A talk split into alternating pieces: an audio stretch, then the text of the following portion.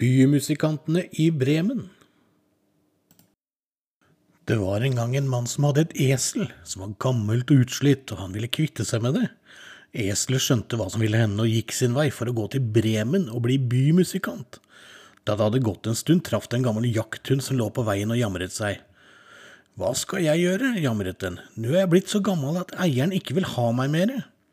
Ikke vær lei deg, sa eselet, bli med meg til Bremen og bli bymusikant. Det ville hunden gjerne. Det varte ikke lenge, så traff de en katt som så så inderlig lei ut.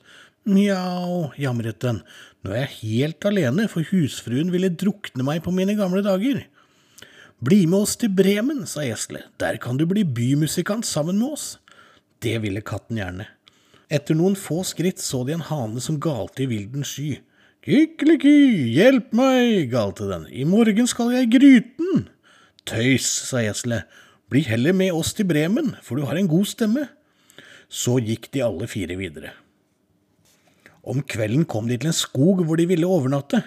Eselet og hunden la seg under et tre, og katten og hanen satte seg på hver sin gren. Da hanen skulle til å sovne, fikk den se et opplyst vindu langt borte. Dit går vi, sa hanen. Som sagt, så gjort. Etter en stund kom de til et hus der det brant lys. Eselet stilte seg med forbeina i vinduskarmen, Hunden sto på ryggen til den, katten sto på hunden og hanen på kattehodet. Så begynte de å spille musikken sin i kor. Eselet skrøt, hunden gjødde, katten mjauet og hanen gol. Plutselig falt de alle gjennom det åpne vinduet og inn i stuen til alle røverne, for det bodde røvere i huset. Røverne for opp, vettskremte av all larmen. Ut av huset og til skogs bar det. Så satte de fire musikantene seg til bords og spiste både vel og lenge. Etter det så slukket de lyset og fant seg hver især et sted å sove. Katten la seg ved gruen, hunden bak døren, hanen fløy opp på bjelken, og eselet la seg ute på gårdsplassen. De var trette, og snart sov de. Da klokken var blitt over tolv og røverne så at det ikke brant lys mer i huset og alt så ut til å være rolig, så sa røverhøvdingen, vi skulle nok ikke ha løpt vår vei så fort allikevel. Så ble en sendt av gårde for å undersøke huset. Han fant alt stille og fredelig og gikk inn i kjøkkenet for å tenne lys. Der fikk han øye på de lysende øynene til katten.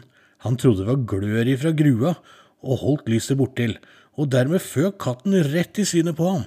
Han løp mot døren, men der lå hunden og bet ham i buksebeinet. Etter det så fikk han et spark av eselet, og røveren løp alt det han orka tilbake til høvdingen og fortalte, inne i huset er det en grusom heks som klorte meg i fjeset med de lange klørne sine. Ved døra sto det en mann med kniv og stakk meg i beinet. På gårdsplassen lå det et stort utysk og slo meg med ei treklubbe. Og på taket sitter dommeren og roper få tak i skurken. Det ropte han i ett sett. Selv var det bare med nød og neppe at jeg slapp ut. Etter dette torde ingen av røverne vende tilbake. Men de fire bymusikantene de trivdes så godt at de ble boende der resten av sine dager. Og snipp, snapp, snute, så var det eventyret ute.